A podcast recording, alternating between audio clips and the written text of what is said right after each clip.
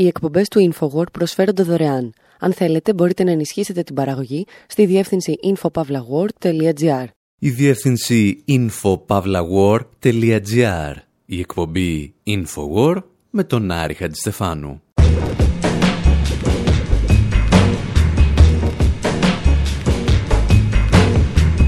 Όπου σήμερα βάζουμε φωτιά στο Καπιτόλιο και δεν είναι αυτό που νομίζετε. Διαβάζουμε μία ανάλυση των Financial Times που μας εξηγεί ότι η εισβολή οπαδών του Τραμπ δεν έχει ιστορικό προηγούμενο στις Ηνωμένες Πολιτείες. Και αναρωτιόμαστε γιατί δεν θέλει να το καταλάβει και η ελληνική αστική τάξη. Μεταδίδουμε σε απευθεία σύνδεση την πυρπόληση του Λευκού Οίκου και του Καπιτολίου από τα Βρετανικά στρατεύματα το 1814 Πνιγόμαστε στα δακρυγόνα με τα οποία ο Αμερικανικός στρατός υποδέχθηκε τους βετεράνους του Πρώτου Παγκοσμίου Πολέμου στην Ουάσιγκτον. Και ύστερα εξετάζουμε τις πιθανότητες η εθνοφυλακή της Ουάσιγκτον να είχε επιτρέψει την εισβολή στο Καπιτόλιο εάν αυτοί πραγματοποιούνταν από μαύρους ή από απεργούς.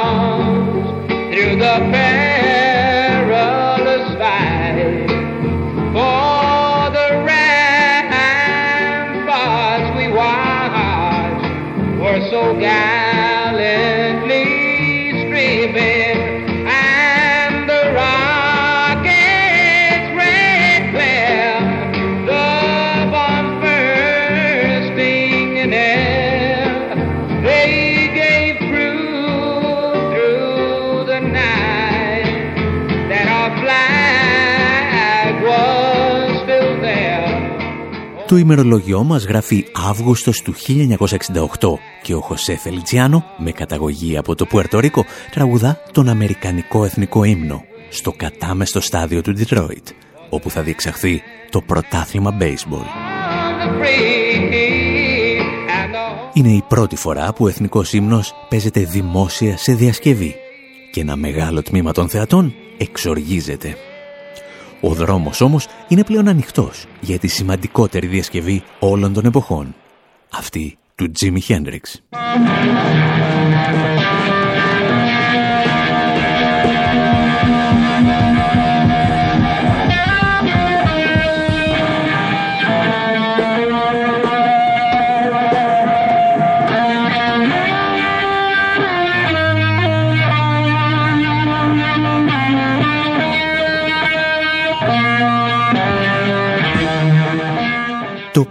Ποίημα Star Spangled Banner, στο οποίο στηρίζεται ο Εθνικός Ύμνος των Ηνωμένων Πολιτειών, γράφεται το 1814 από τον δικηγόρο Francis Scott Key.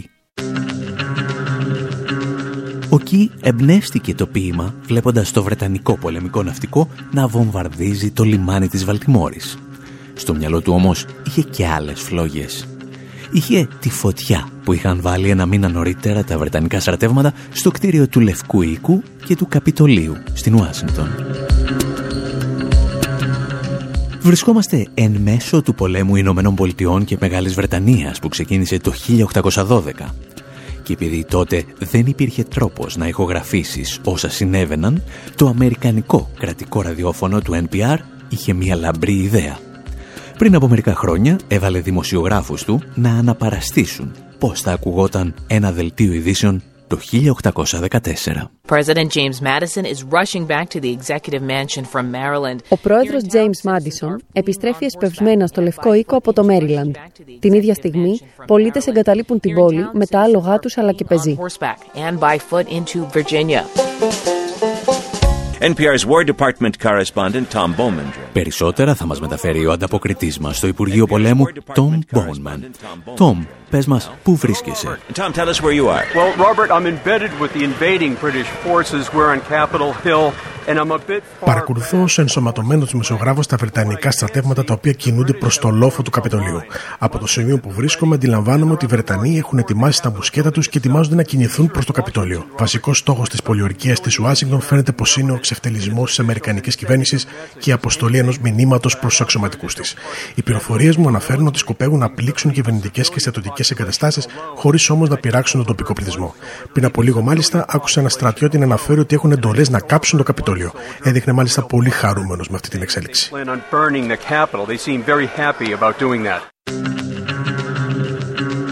Αν και αρκετοί θυμήθηκαν αυτές τις ημέρες το κάψιμο του Λευκού Οίκου και του Καπιτολίου από τους Άγγλους, κανένας σοβαρός ιστορικός δεν θα τολμούσε να εξάγει συμπεράσματα από μια τέτοια σύγκριση.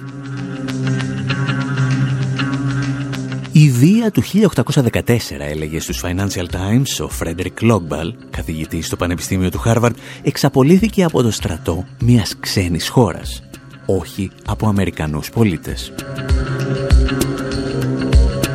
Εμείς λοιπόν αναζητήσαμε ένα περιστατικό που να πραγματοποιήθηκε από πολίτες των Ηνωμένων Πολιτειών και το εντοπίσαμε το 1932 στα βίαια επεισόδια του λεγόμενου Bonus Army.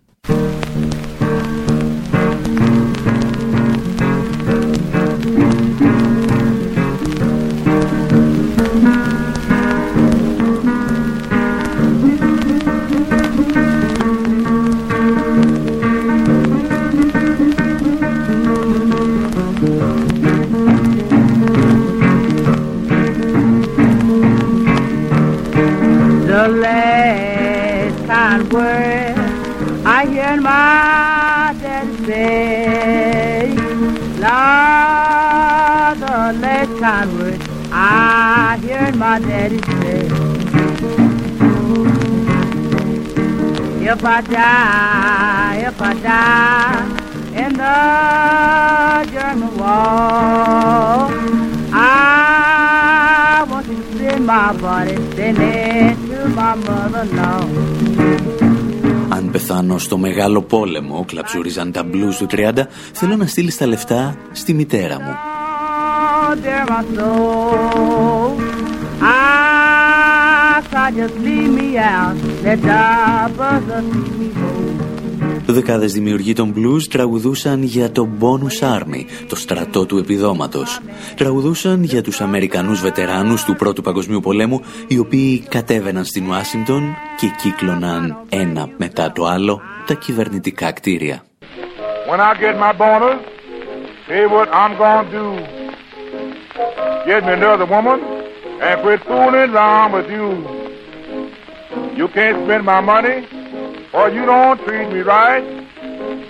So I wish your boyfriend come in high as a kite. So when I get my bonus, I'm just gonna have my fun. Μετά το τέλος του πολέμου, η Αμερικανική κυβέρνηση είχε υποσχεθεί ότι θα έδινε στους στρατιώτες της ένα δολάριο για κάθε ημέρα που υπηρέτησαν σε αμερικανικό έδαφος και ένα δολάριο και 25 cents για κάθε ημέρα υπηρεσίας εκτός συνόρων.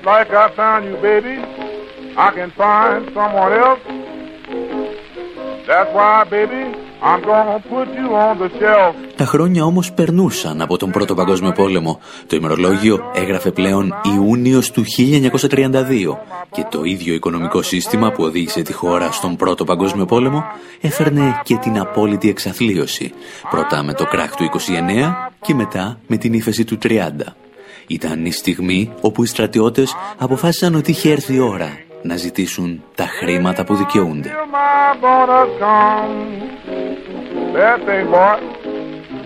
Τουλάχιστον 43.000 βετεράνοι του πολέμου καταφθάνουν στις 17 Ιουνίου του 1932 στην Ουάσιντον και κατευθύνονται προς την πλατεία του Καπιτολίου όπου κατασκηνώνουν.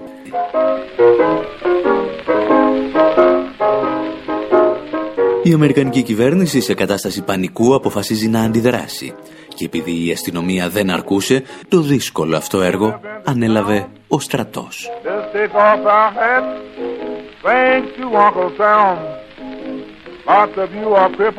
Ο πρόεδρος Χούβερ στέλνει άρματα μάχης και υπηκό στην καρδιά της Ουάσιγκτον για να κάψουν τις σκηνές των διαδηλωτών. Τα περιέγραφαν όμως καλύτερα τα παπαγαλάκια της εποχής, τα αμερικανικά επίκαιρα. It's war. The greatest concentration of fighting troops in Washington since 1865. Βρισκόμαστε σε πόλεμο. Πρόκειται για τη μεγαλύτερη συγκέντρωση στρατευμάτων στην Ουάσιγκτον από το 1867. Πρέπει να υπακούσουμε τις διταγές του Προέδρου.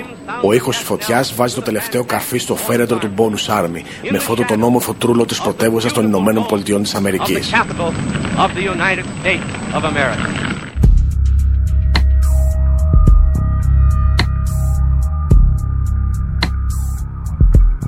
Ένας από τους δημοσιογράφους εκείνης της εποχής που δεν αναπαρήγαγαν την κυβερνητική γραμμή ήταν και ο Λέμεντ Χάρις. Αρκετές δεκαετίες αργότερα εξηγούσε πως ο στρατός χρησιμοποίησε χημικά εναντίον των βετεράνων που είχαν πολεμήσει στον πρώτο χημικό πόλεμο της ιστορίας. I knew something was going to happen, that they might be attacked.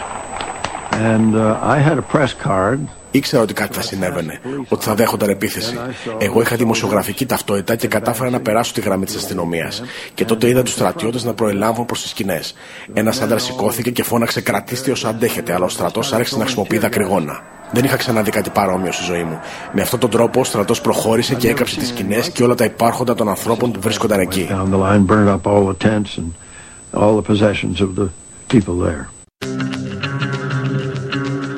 Αυτή τη φορά λοιπόν τα επεισόδια ξεκίνησαν πράγματι από Αμερικανούς πολίτες.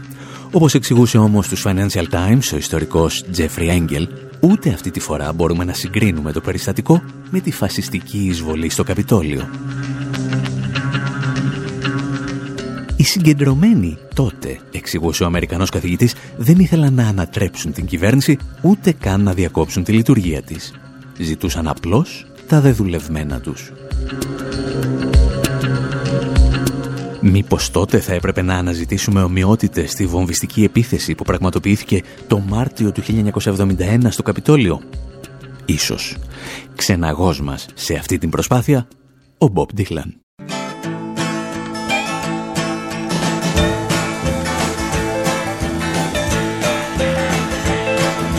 John is in the basement, mixing up the medicine. I'm on the pavement, thinking about the government. The man in a trench coat, badge out, laid off, says he's got a bad cough, wants to get it paid off. Look out, kid, it's something you did.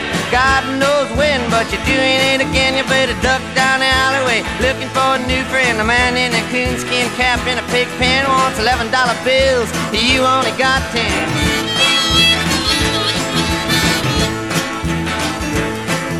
Maggie comes fleet-foot, face full of black soot, talking at the heat, put plants in the bed, but the phone's tapped anyway. Maggie says the men say they must bust an early man. Orders from the DA, look out, kid, don't matter what you did.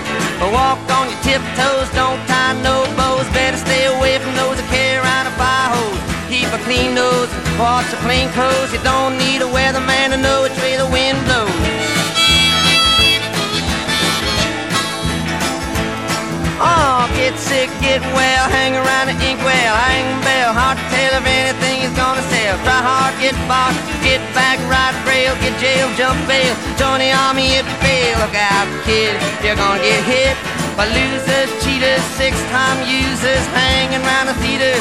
Girl by the whirlpools, looking for a new fool. Don't follow leaders or watch your parking meters. Ο Μπομπ Ντίλαν ισχυρίζεται ότι δεν χρειάζεται έναν μετεωρολόγο για να καταλάβει προς τα που φυσάει ο άνεμος. Και από αυτόν τον στίχο, το 1969 θα εμπνευστεί το όνομά της, μια οργάνωση η οποία λίγα χρόνια αργότερα θα ενταχθεί στη λίστα των τρομοκρατικών οργανώσεων του FBI.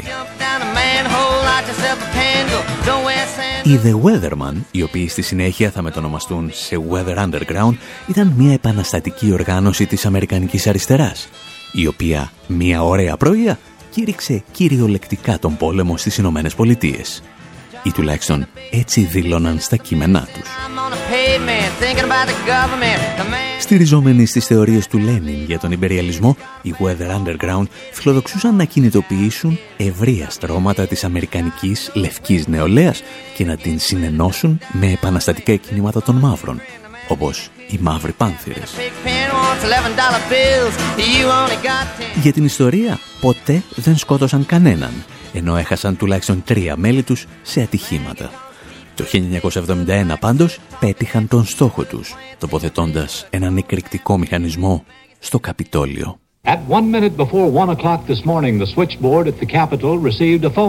Ένα λεπτό πριν από τη μία τα ξημερώματα, το τηλεφωνικό κέντρο του Καπιτολίου δέθηκε μία κλίση.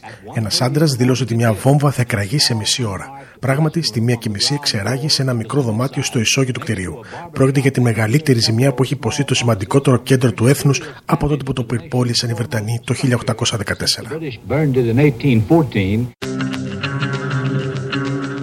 Οι ιστορικοί πάντως που μίλησαν τις τελευταίες ημέρες στους Financial Times δεν έβρισκαν καμία ομοιότητα ανάμεσα σε αυτό το περιστατικό και την φασιστική εισβολή των οπαδών του Τραμπ στο Καπιτόλιο. Όπως επίσης δεν έβρισκαν καμία ομοιότητα με τις κινητοποιήσεις του αντιπολεμικού κινήματος του 1969 και του 1970.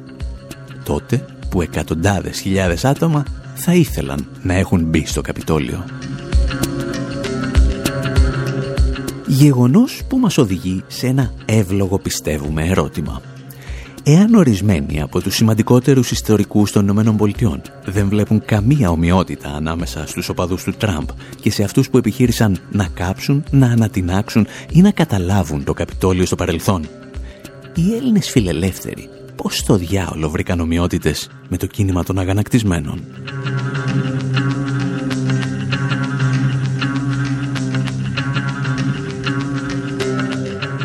Η αλήθεια είναι ότι ένας Αμερικανός καθηγητής, ο Ρόμπερτ Πάξτον, παρουσίασε ένα πολύ ενδιαφέρον ιστορικό προηγούμενο. Γιατί αντί να συγκρίνει πορτοκάλια με μήλα, συνέκρινε φασίστες με φασίστες. Εισαγωγή σε αυτή την ιστορία από τον Γάλλο Ρενό. Και επιστρέφουμε.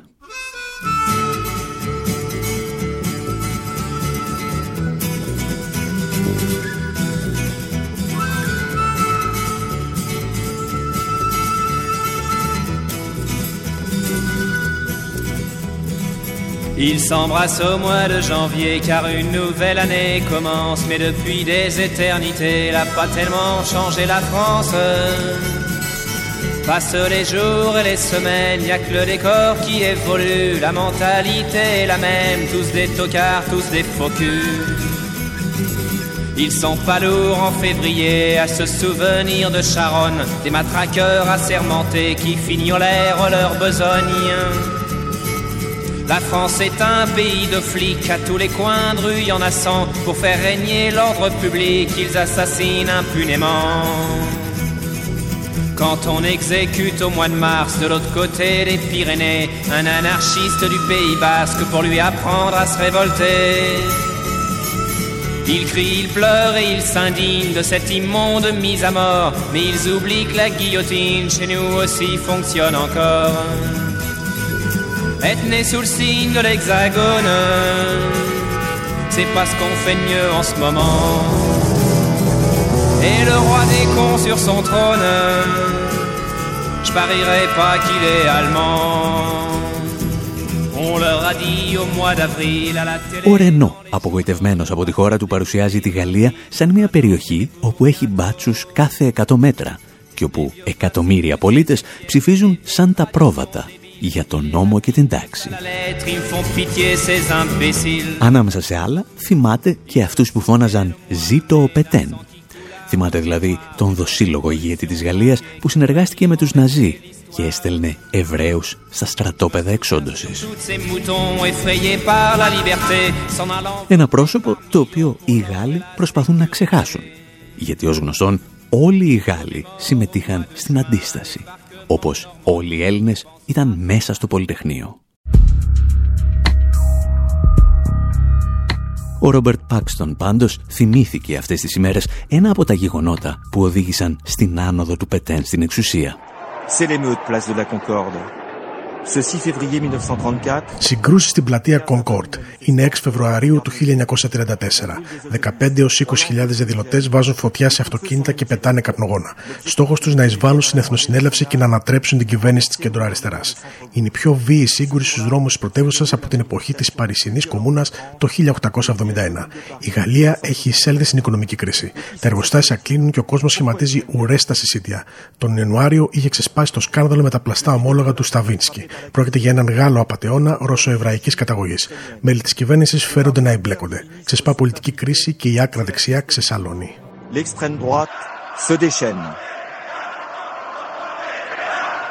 Paris, les étudiants en médecine font une grève de protestation contre le trop grand nombre d'étrangers admis à exercer en France.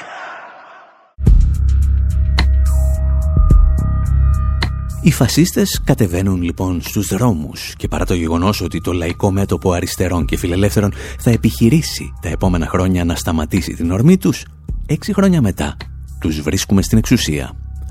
Ο Πετέν υποτάσσει τη Γαλλία στον γερμανικό ναζισμό.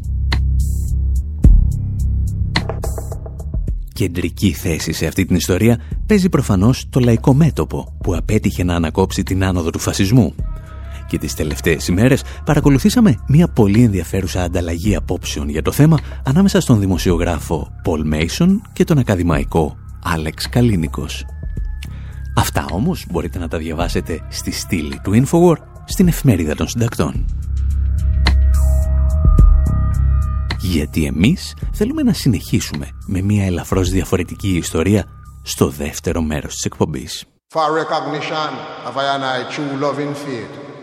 True word, true song, true power. I And I give thanks and bless his holy name. Jah, Jah, Jah, Rastafari.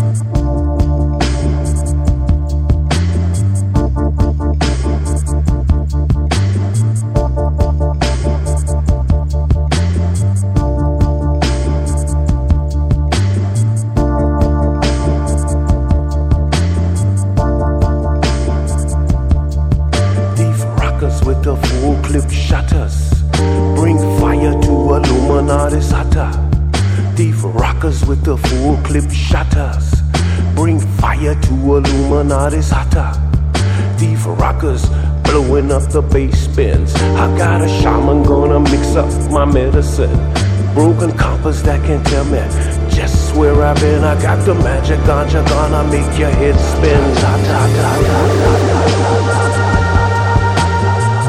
ta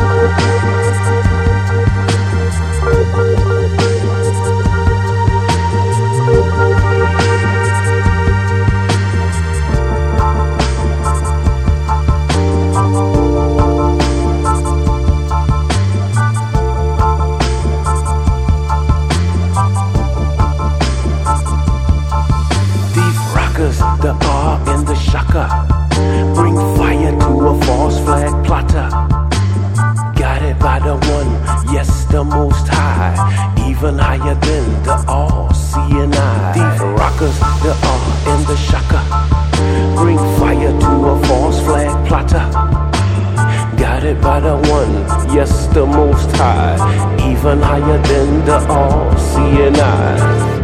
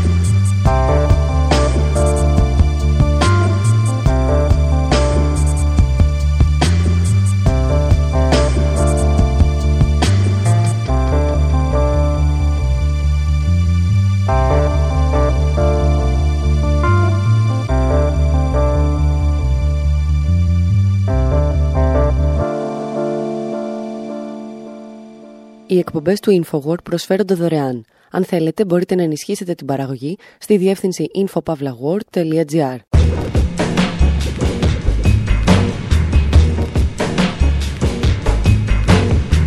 Εκπομπή InfoWord, μέρος δεύτερο. όπου θυμόμαστε εκείνες τις φορές που το Αμερικανικό Πεντάγωνο αναπτύχθηκε σε Αμερικανικό έδαφος. Δυσκολευόμαστε όμως να θυμηθούμε έστω και μία φορά που να μην είχε απέναντί του εργαζόμενους, απεργούς ή μειονότητες.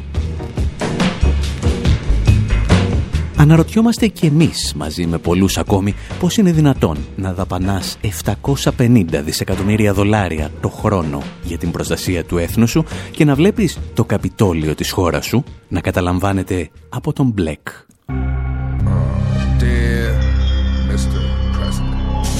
What's happening? I'm writing you because shit is still real fucked up in my neighborhood. Pretty much the same way right around the time when you got elected. Ain't nothing changed. All the promises you made before you got elected. Tell me what to do. These niggas acting up in the hood. Send more troops, dear Mr. President. Me and my homies just wonder what's going on. Holla. Why should I lie when I can traumatize? Niggas fell victim to my lyrics, now traumatized. Simply by spitting, I've been blessed, giving riches. Enemies, suspicious, cause I'm seldom in the company of bitches. Plus the concepts I be kick. So visual that you can kiss each and every trick, oh bitch. Inside the shit I kick. My heaviest verbs to move a mountain, casualties in mass amounts. Row, finally found a home. Plus all my homies wanna die, call it euthanasia. Dear Lord, look how sick this ghetto made us. Sincerely, yours, I'm a thug. The product of a broken home, everybody's doped up. Nigga, what you smoking on? Figure if we hide, it could train us. But then America fucked up and blamed us. I guess it's cause we black that we targets. My only fear is God. I spit that hard shit. In case you don't know, I let my pump go. Ride from a Tulu like I ride for Geronimo. Down to die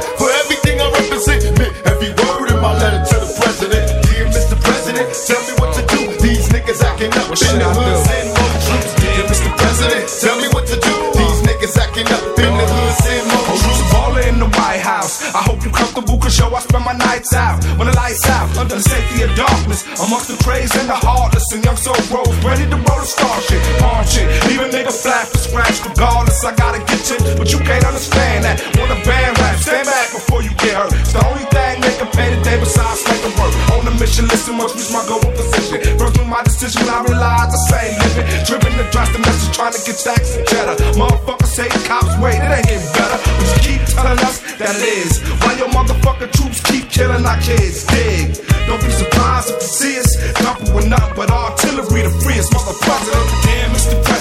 tell us what to do. These niggas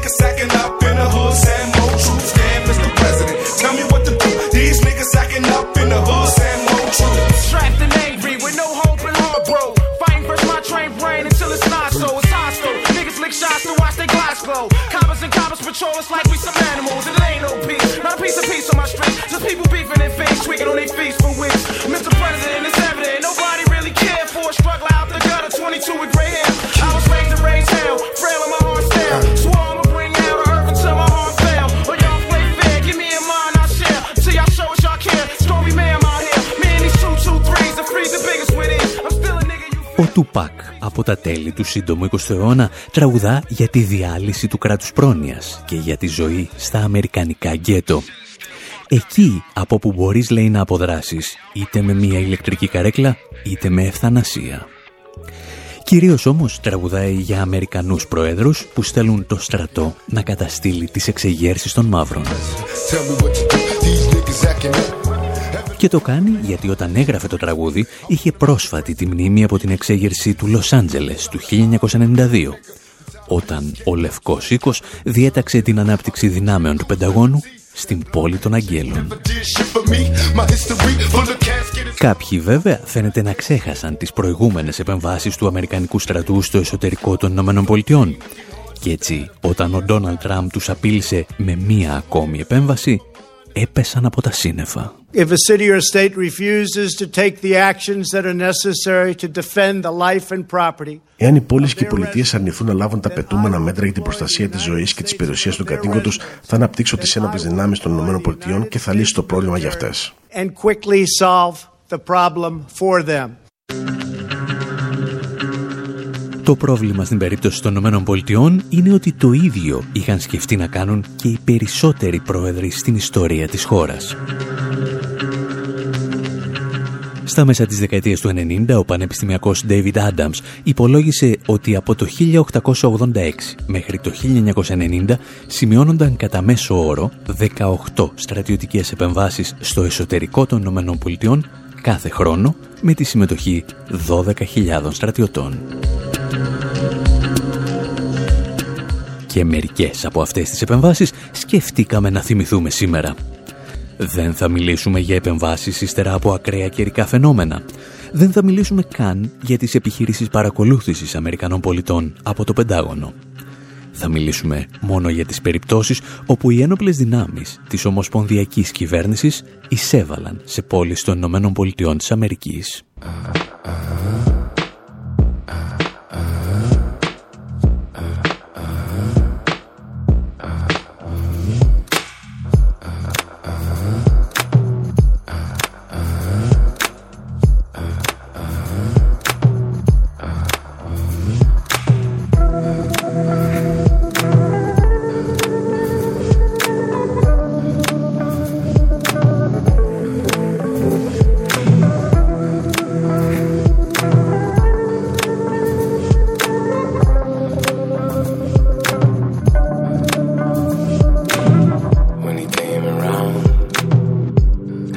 High on tea, he became the ground.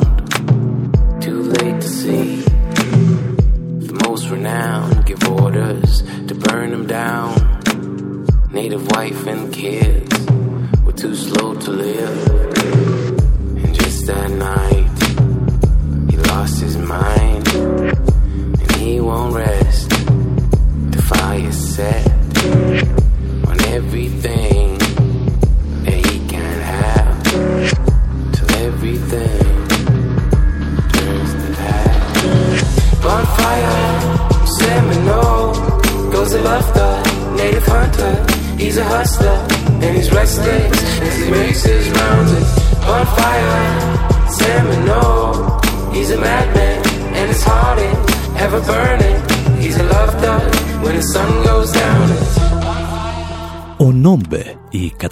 Νόα Μακμπέθ τραγουδά για τον μεγάλο ξεριζωμό της Ινδιάνικης φυλής των Σεμινόλ.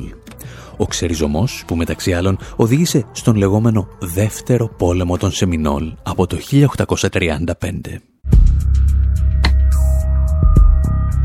Από τη μία πλευρά έχουν συνενωθεί διαφορετικές φυλές των Σεμινόλ αλλά και μαύροι σκλάβοι της περιοχής και από την άλλη ο στρατός των Ηνωμένων Πολιτειών της Αμερικής. Για την ακρίβεια, το σύνολο του στρατού ξηράς, χίλιοι ναύτες, αρκετοί πεζοναύτες και παραστρατιωτικές δυνάμεις 30.000 ενόπλων. Ήταν μία από τις μεγαλύτερες κινητοποιήσεις των ενόπλων δυνάμεων της Αμερικής σε αμερικανικό έδαφος.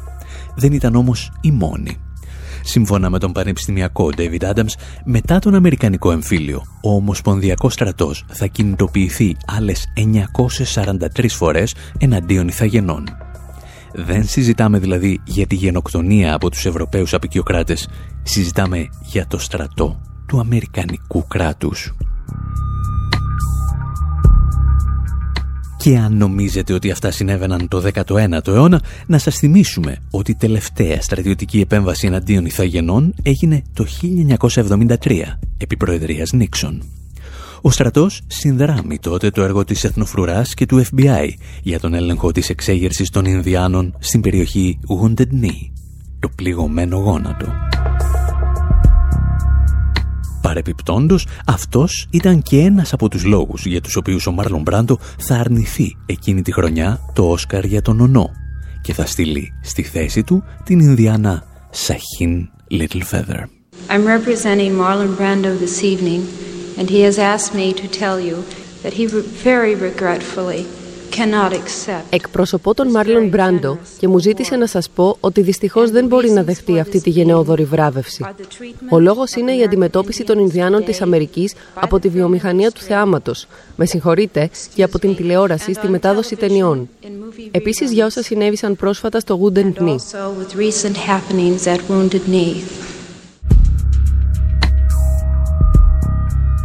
Παρεπιπτόντος, το Wounded Knee ήταν η περιοχή όπου το 1890 ο Αμερικανικός στρατός είχε σφαγιάσει εκατοντάδες ηθαγενείς. η μισή από τους οποίους ήταν γυναίκες και παιδιά.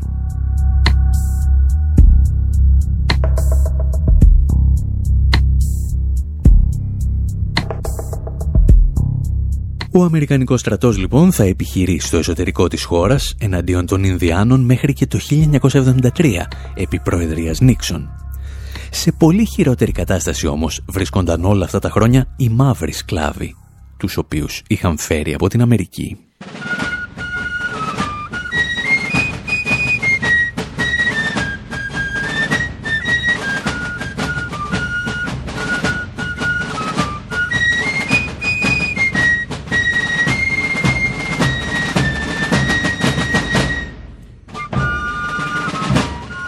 Στην περίοδο πριν από τον εμφύλιο πόλεμο, ο David Adams καταγράφει τουλάχιστον 250 εξεγέρσεις σκλάβων στον Αμερικανικό Νότο, οι οποίες αντιμετωπίστηκαν και από στρατιώτες. Εικάζει μάλιστα ότι η διαρκής μεταφορά στρατιωτών από τις δυνάμεις των νοτίων για τον έλεγχο των σκλάβων ίσως να έπαιξε καθοριστικό ρόλο στην ήττα των νοτίων στον εμφύλιο πόλεμο.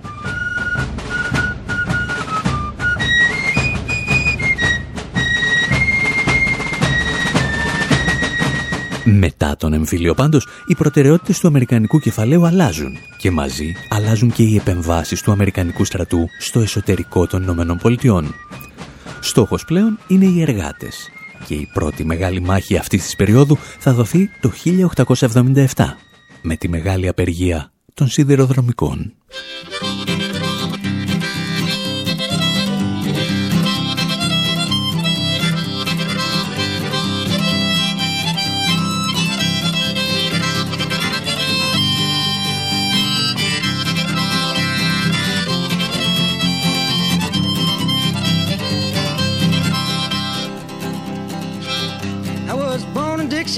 Seen a boomer shack, just a little shanty by the railroad track. Freight train was taught me how to cry. Humming of the drivers and the lullaby. I got the freight train blue.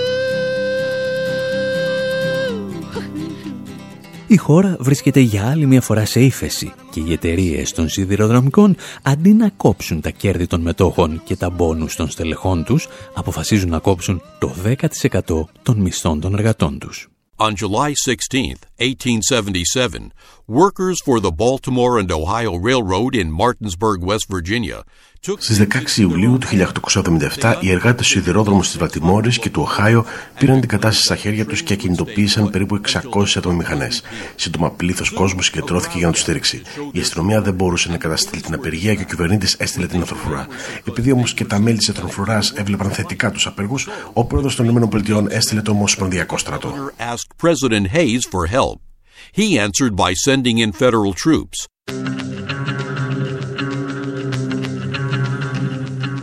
Παρ' όλα αυτά, η απεργία επεκτείνεται σαν πυρκαγιά σε αρκετές ακόμη πολιτείες και ο πρόεδρος αναγκάζεται να στέλνει διαρκώς τις ένοπλες δυνάμεις, γεγονός που διχάζει μεταξύ άλλων και το στρατιωτικό κατεστημένο της χώρας.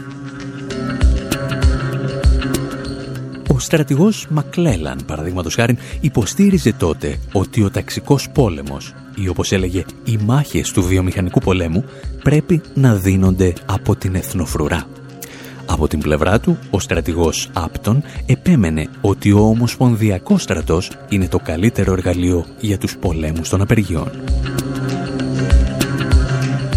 Τελικά, ο Ομοσπονδιακός στρατός θα συνεχίσει να επιχειρεί παράλληλα με την εθνοφρουρά εναντίον απεργών μέχρι και το Δεύτερο Παγκόσμιο Πόλεμο η βασική διαφορά των δύο σωμάτων ήταν ότι η εθνοφρουρά συχνά πληρωνόταν απευθείας από επιχειρηματίες όπως ο Ροκφέλερ, που ήθελαν να διαλύουν απεργίες στις βιομηχανίες τους. Το χαρακτηριστικότερο παράδειγμα μάλιστα ήταν η σφαγή του Λάντλοου το 1914. It was early springtime and the strike was on. It drove us miners out of doors Out from the houses that the company owned, we moved into tents up at old Ludlow. Ο Γούντι Γκάθρι τραγουδά για μια χαμένη άνοιξη του 1914. Τραγουδά για μια από τις μεγαλύτερες απεργίες στην ιστορία των Ηνωμένων Πολιτειών. Τραγουδά για ανθρακορίχους που αποφάσισαν να τα βάλουν με την μεγαλύτερη οικογένεια τραπεζιτών, τους Ροκφέλερ. I never will forget the look on the faces. Μας πέταξαν, τραγουδά ο Γκούντι Γκάθρι, έξω από τα σπίτια που μας είχε δώσει η εταιρεία, σε αντίσκηνα. Και εγώ φοβόμουν για τα παιδιά μου, γιατί οι σφαίρες του στρατού περνούσαν πάνω από το κεφάλι μας. We told the Colorado governor to phone the guns. 1200 ανθρακορίχοι στο Landlow του Κολοράντο κατέβαιναν σε απεργία εναντίον τριών εταιριών που είχαν υπό τον έλεγχό τους το σύνολο των ορυχείων. Ανάμεσά τους και η γιγαντιαία Colorado Fuel and Iron Company της οικογένειας Rockefeller. Την εταιρεία ελέγχει ο Τζον Ροκφέλλερ από το γραφείο του στο κτίριο της Standard Oil στη Νέα Υόρκη. Στο Κολοράντο όμως, 7 στους χίλιους ανθρακωρύχους που δούλευαν για την ίδια εταιρεία πέθαιναν κάθε χρόνο μέσα σε κάποια στοά ορυχείου. Και οι υπόλοιποι ζούσαν σε κατοικίες στρατόπεδα που τους επέβαλαν την υπακοή στην εταιρεία.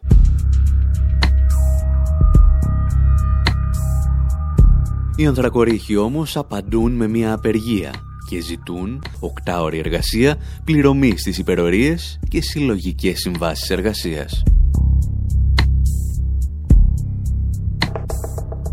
Ο κυβερνήτης της πολιτείας στο Κολοράντο απαντά στέλνοντας ένοπλα τμήματα της εθνοφρουράς.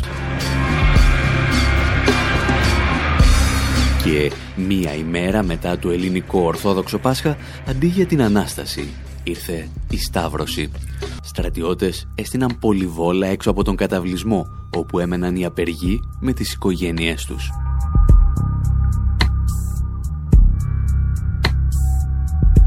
Το μεσημέρι η εθνοφρουρά αρχίζει να πολυβολεί τους απεργούς, οι οποίοι καταφέρνουν να αμυνθούν για μία ολόκληρη ημέρα. Μέχρι τη στιγμή που οι στρατιώτες βάζουν φωτιά στον καταβλισμό και έγοντας ζωντανές γυναίκες και παιδιά των απεργών. Απολογισμός 25 νεκροί, από τους οποίους τουλάχιστον 11 ήταν ανήλικα παιδιά.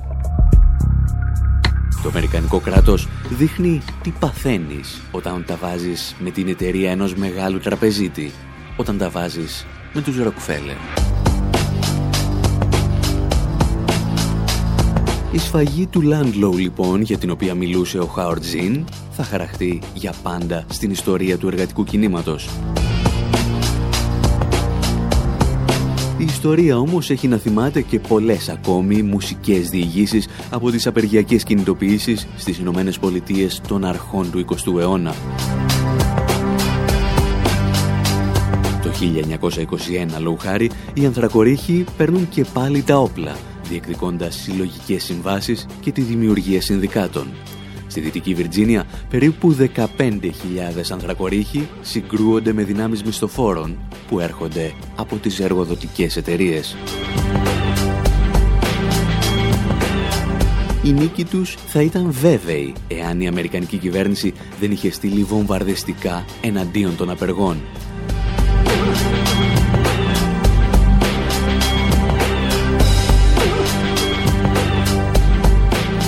Η σφαγή του Λάντλο θα αποδείξει ότι η εθνοφυλακή είναι πλέον σε θέση να διαχειρίζεται μεγάλες απεργιακές κινητοποιήσεις.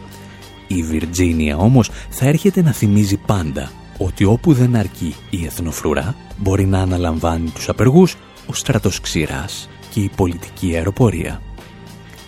Παρεπιπτόντος περίπου ό,τι έκανε και ο Ελευθέριος Βενιζέλος στην Ελλάδα.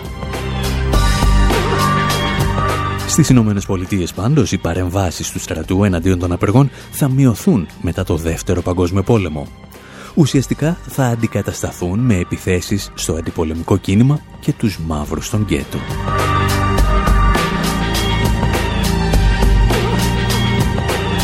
Εμείς πάλι κάπου εδώ λέμε να σας αφήσουμε και για αυτή τη ραδιοφωνική εβδομάδα.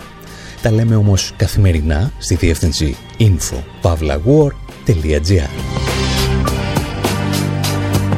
Από τον Άρη Χατζηστεφάνου στο μικρόφωνο και τον Δημήτρη Σαδόπουλο στην τεχνική επιμέλεια, γεια σας και χαρά σας.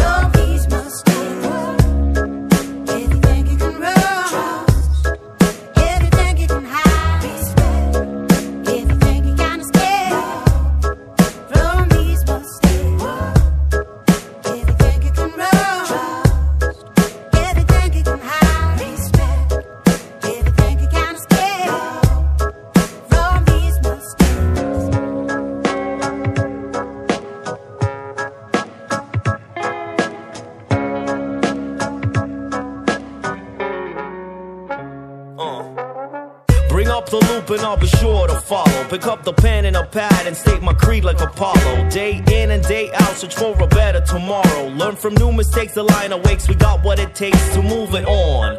Away from sorrow, I belong. Live life to the fullest, ain't gonna be here for long. Turn off the TV, burn the paper, look at the writing on the wall. One, two, one, two, just got your wake up call.